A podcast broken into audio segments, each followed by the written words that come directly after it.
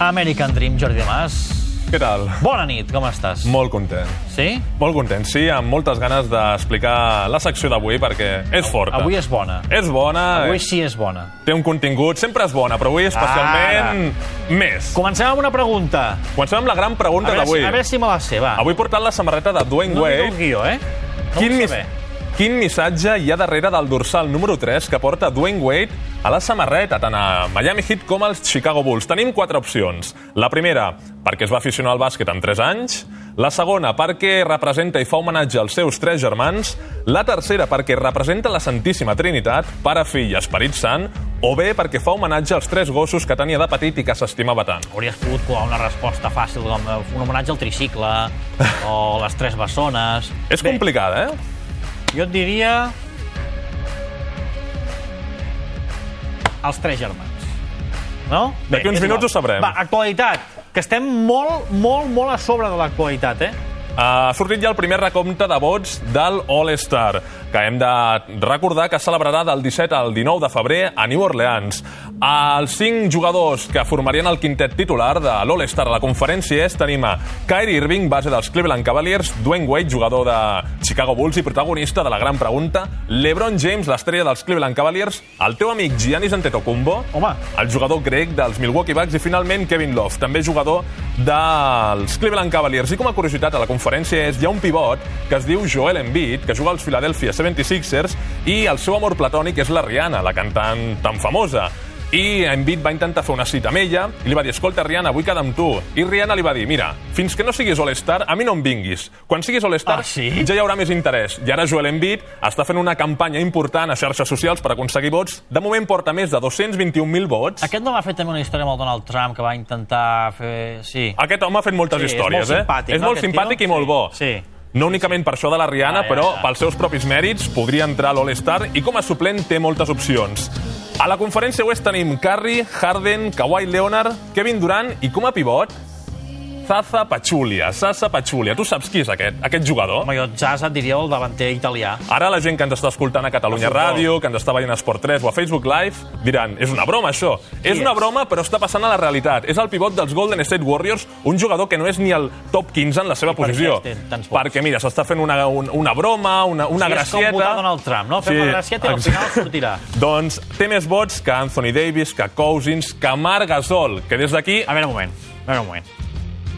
Hem de fer anar el Marc Gasol A l'All-Star. a l'All-Star, Ho hem d'aconseguir.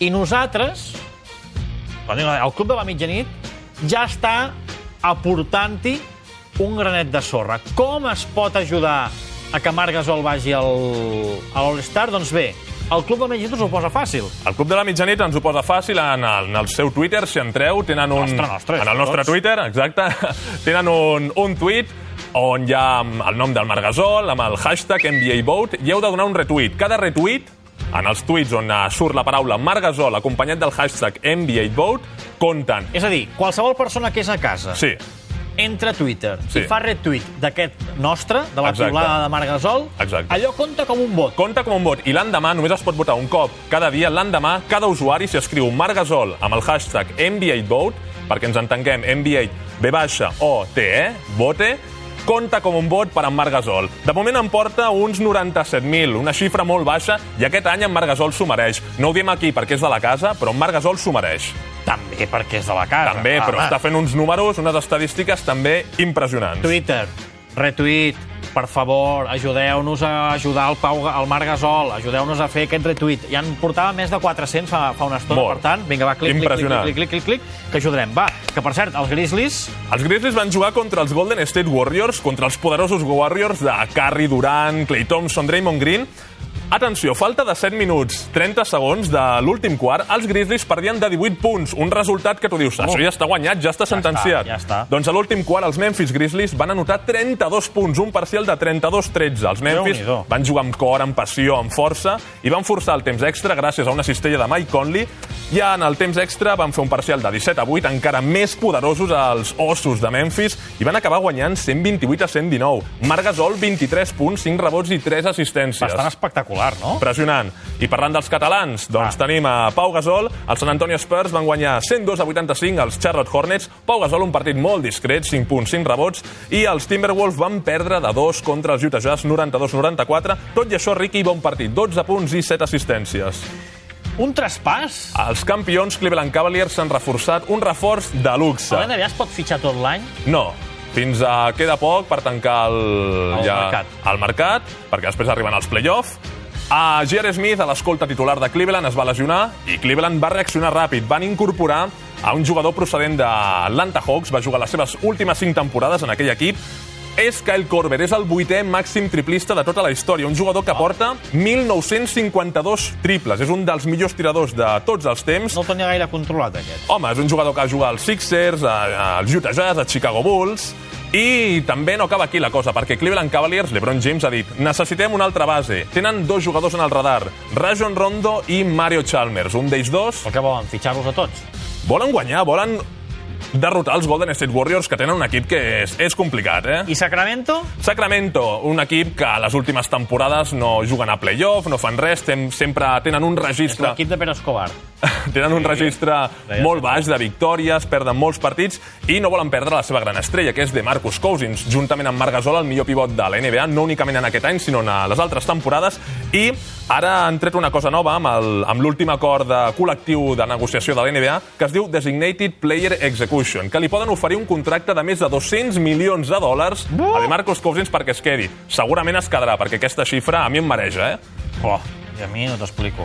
Va, eh, ràpidament, les classificacions. Eh, conferència és Cleveland Cavaliers continuen sent els líders, 28 victòries, 8 derrotes, acompanyats de Raptors 24-13 i Celtics 23-14. I a la conferència oest, Golden State Warriors segueixen sent els líders, 32 victòries, 6 derrotes, després el San Antonio de Pau Gasol, 37, i finalment els Houston Rockets, que ens estan donant una gran alegria, 30 a 9. Va, escolta, aquesta remuntada històrica Ostres. a la Lliga Universitària de Bàsquet, que l'hem vist a molts llocs i, i que tenia enamorat el Xavi Campos, per exemple, que avui quan ha arribat, has de parlar d'això, has de parlar d'això. Dic, home, Impressionant. això el Jordi de Mas sou que, Impressionant. sou que ens ho explica. Anem a la Lliga Universitària, no és la NBA, però també és una de les millors lligues, Té de, molt seguiment. molt seguiment i d'allà surten les grans estrelles de la NBA. Per tant, són jugadors de 18 anys. Sí, jugadors Més o universitaris. Sí. El partit de la Universitat de Nevada contra la Universitat de New Mexico. A falta d'un minut com a 11 segons, New Mexico anava guanyant 90-76. Un altre cop tenim un marcador aquí que ja està De sentenciat. 14. A la transmissió el Macià diria, bé, això ja està. Això ja ho hem està, guanyat ja o està, ho hem ja perdut." podem anar a dormir. Bé. Doncs, Nevada va anotar un triple, 79-90, després New Mexico va fallar dos tirs, Nevada, un altre cop un altre triple, 82-90, després New Mexico va anotar únicament un tir lliure, què va passar després? Un altre triple de Nevada, anaven apropant-se, 85 a 91, i així d'una- Successivament. successivament van, anot- van anotar sis triples. Finalment, van forçar el temps extra i en els últims segons la Universitat de Nevada, l'equip de Nevada, va anotar un altre triple i al final van acabar guanyant. Sí, una remuntada Una històrica. remuntada històrica, completament Una remuntada històrica. Van guanyar La- 105 a 104. Déu-n'hi-do, va, una curiositat. Michael Jordan, anem fins al 2001. Cal recordar que mai- Michael Jordan no ha jugat únicament als Chicago Bulls, sinó És nascut el 2001. Sí, havia nascut, havia nascut. Vaig néixer el 95, que sempre m'ho preguntes. el 2001, bueno, Michael Jordan va jugar dues temporades a Washington Wizards i en aquell partit, Wizards Hornets, Michael Jordan tenia 38 anys i és un jugador amb experiència, que és veterà, el físic pesa, ja no tenia aquella explosivitat, ni plasticitat, Normal. ni aquell salt, però tot i això, el gran Michael Jordan va notar 51 punts Oh! oh. amb 38 anys. El Li vell, quedaven el vell del Jordan. li quedaven 50 dies per complir 39. Van notar 51 punts i van guanyar 107 a 90. Déu-n'hi-do. I amb quina frase acabem avui? Tenim una frase d'Elgin Baylor, un jugador mític. Va dir, si busques la definició de grandesa en el diccionari, dirà Michael Jordan. Hem connectat, eh, l'anècdota amb aquesta frase. Si busques la definició de grandesa, el diccionari dirà Michael Jordan. Jordan Elgin Baylor. Uh, teniu una pregunta La pregunta i l'hem de resoldre. la repeteixo o anem... home, sí, sí. Quin missatge hi ha darrere del dorsal número 3 de la samarreta de Dwayne Wade? Perquè es Eh. va aficionar al bàsquet amb 3 anys, perquè representa els seus tres germans i els hi fa un homenatge, perquè representa la Santíssima Trinitat, Pare, Fill i Esperit Sant, o bé perquè fa homenatge als tres gossos que va tenir de petit i que sempre se'ls ha estimat tant. Jo he dit els tres germans. El Joan Ferran què diu? Ah, no ho té gaire clar, eh? No ho té clar el Joan Ferran. Resposta. Tres germans, tres germans. Tres germans, diu. també. La resposta és perquè representa la Santíssima Trinitat. Correcte. Pare, fill i Esperit Sant. De fet, Dwayne Wade ha portat su- eh, aportacions econòmiques importants per parròquies i esglésies i tot això. Doncs, felicitats. Molt gran, Wade.